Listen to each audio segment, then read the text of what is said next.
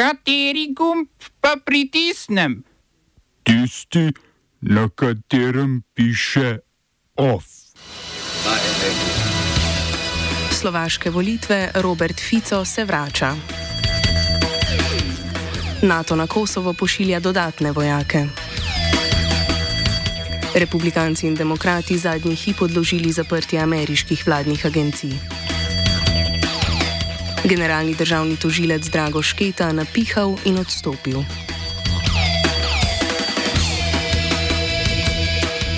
Ameriški predsednik Joe Biden je podpisal zakon o podaljšanju financiranja agencij zvezdne vlade.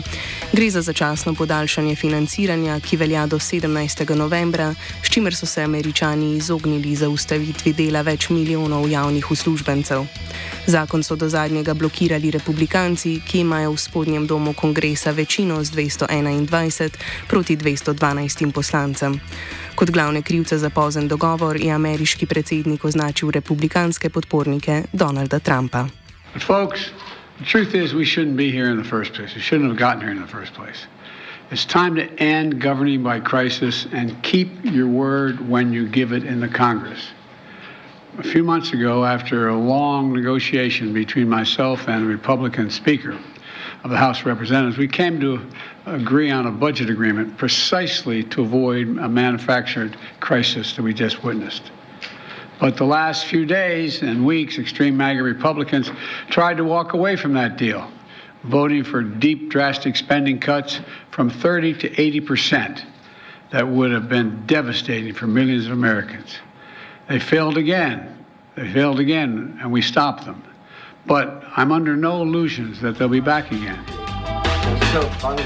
Šest republikancev je zahtevalo drastično zmanjšanje državne porabe in zaustavitev petih milijard evrov pomoči Ukrajini. Zakon, ki bi ugodil njihovim zahtevam, pa v kongresu ni zbral večine. Predsednik spodnjega doma kongresa, republikanec Kevin McCarthy, je na to z demokrati sprejel kompromis, po katerem bodo zagotovili 15 milijard evrov za odpravo posledic naravnih nesreč, ne pa tudi 5 milijard za Ukrajino. Se je pa McCarthy zavezal, da bodo Ukrajincem pomagali kasneje. McCarthy zaradi sodelovanja z demokrati zdaj republikanska ločina grozi z odstavitvijo z mesta predsednika predstavniškega doma.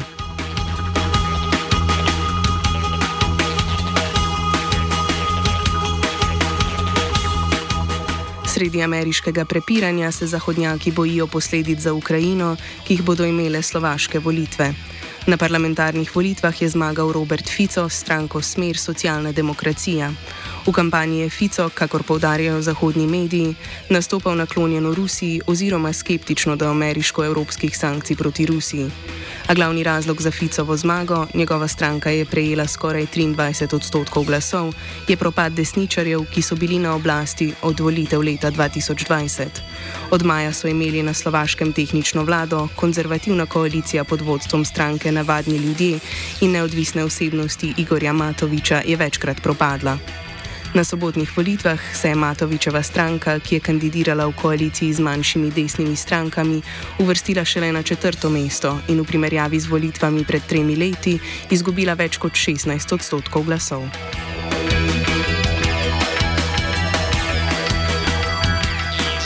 Fico je notranje politično prav tako konzervativen, opravljal pa je že tri premijejske mandate. Sredi tretjega leta 2018 je odstopil zaradi protestov, ki so izpostavljali njegovo nikdar dokazano upletenost v umor preiskovalnega novinarja Jana Kucijaka. Za oblikovanje nove vlade bo imel Fico na voljo izbiro med drugo uvrščenimi liber liberalci in stranko Hlas Socialna demokracija liberalcev iz stranke Progresivna Slovaška, ki jo vodi eden od podpredsednikov Evropskega parlamenta, Mihajl Šimečka, do zdaj ni bilo v slovaškem parlamentu, osvojili pa so skoraj 18 odstotkov glasov. Prav tako je prvič v parlament prišla stranka Hlas, ki je prejela manj kot 15 odstotkov glasov. Njen predsednik Peter Pellegrini je po volitvah leta 2020 zapustil Fica in njegovo stranko, saj se Ficu zaradi svoje popularnosti ni več želel podrejati. V parlament so na tokratnih volitvah prišle še dve konzervativni in ena liberalna stranka.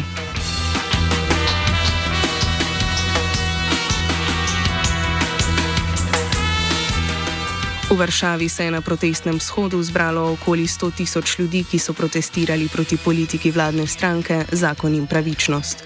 K tako imenovanemu pohodu milijonov src je pozvala opozicija, ki je nastala iz nekdanje vladne stranke Državljanska platforma pod vodstvom Donalda Tuska. Gre za predvolilni shod pred parlamentarnimi volitvami, ki bodo na polskem 15. oktobra. Konzervativna vladna stranka je na dan volitev razpisala tudi štiri referendume, s katerimi si skuša zagotoviti zmago.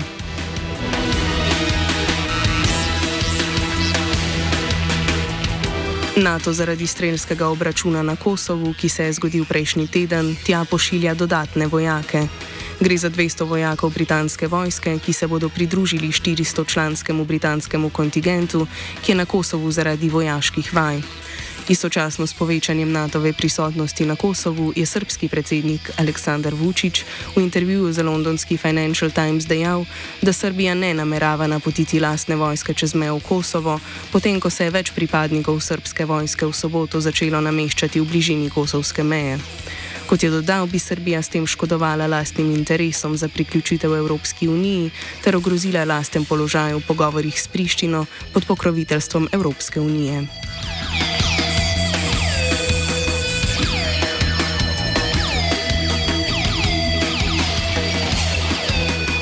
Britansko obrambno ministrstvo je s tremi podjetji sklenilo več kot 4,5 milijarde evrov vredno pogodbo o izdelavi ofenzivne jedrske podmornice.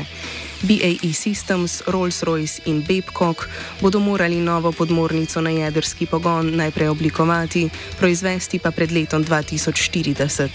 Kasneje bodo Britanci, ki podmornice na jedrski pogon že imajo, nove podmornice dobavili Avstralcem, ki premorejo le podmornice na dizelski pogon. Gre za sodelovanje Avstralcev, Britancev in Američanov v zavezništvu OKUS, namen katerega je postavljanje po robu kitajskemu vplivu v Azijskem Pacifiku.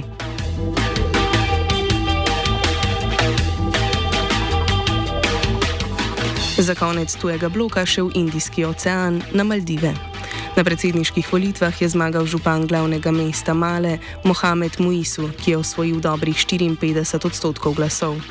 Muisu, sicer član progresivne maldivske stranke, je od leta 2012 do leta 2018 zasedal mesto ministra za stanovansko politiko v vladi Abdula Jamina, ki trenutno služi 11-letno zaporno kazen zaradi korupcije in pranja denarja. V času njegove vlade se je država približala Kitajski v sklopu projekta En pas, ena cesta. Muisu je v svoji kampanji obljubljal obnovitev vezi s Kitajsko in oddalitev od Indije v vplivno območje, katere tradicionalno sodijo Maldivi. Smo se osamosvojili, nismo se pa osvobodili. Naslednje število je še 500 projektov. Izpiljene modele, kako so se strani nekdanje LDS rotirali. Ko to dvoje zmešamo v pravilno zmes, dobimo zgodbo o uspehu. Takemu političnemu razvoju se reče udar. Jaz to vem, da je nezakonito, ampak kaj nam pa ostane? Brutalni obračun s politično korupcijo. To je Slovenija, tukaj je naša zemlja, to je Slovenija, Slovenija, Slovenija. Generalni državni tožilec Drago Šketa je sprejel odločitev o odstopu z funkcije. Zato se je odločil potem, ko ga je policija v Mariboru ujela pri vožnji pod vplivom alkohola. Kot je sporočilo Vrhovno državno toživstvo, je Šketa napihal nič celih 37 mg alkohola na liter izdihanega zraka, kar je nad dovoljeno mejo nič celih 24 mg. Šketa je na mestu državnega toživstva od leta 2017, letos pa je začel svoj drugi mandat. Bil je tudi edini prijavljeni kandidat za nov šestletni mandat.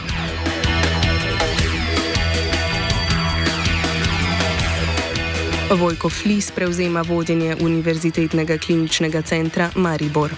Na direktorsko funkcijo ga je kot vršilca dožnosti imenoval svet zavoda, potem ko je Julija z direktorjem Antonom Crnjacem sklenil sporazum o prenehanju funkcije. Flis je UKC Maribor vodil med letoma 2017 in 2021, ko ga je v času vlade Jane Zajanče zamenjal Crnjac. Lani je Flis na listi Gibanja Svoboda kandidiral za župana mestne občine Maribor.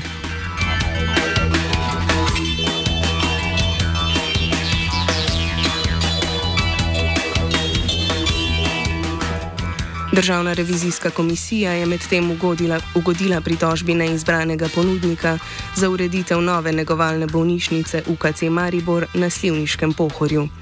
Urad za investicije v zdravstvu, ki sodi pod okrilje zdravstvenega ministrstva, mora po odločitvi revizorjev razveljaviti odločitev o oddaji naročila konzorciju podjetij Pomgrad, VG5 in GIC gradnje. Na uradu so, ko ga je še vodil Aleš Šabeder, za ureditev prostorov negovalne bolnišnice v nekaterih prostorih oddelka za pljučne bolezni izbrali najdražjega ponudnika. Najprej so na uradu izbrali podjetje Makro 5 gradnje, katerega ponudba je bila za dober milijon evrov in pol cenejša od ponudbe Pomgrada in partnerjev. Odločitev so na to razveljavili na podlagi tega, da podjetje Makro 5 gradnje ni ponudilo ustrezne opreme za kuhinjo.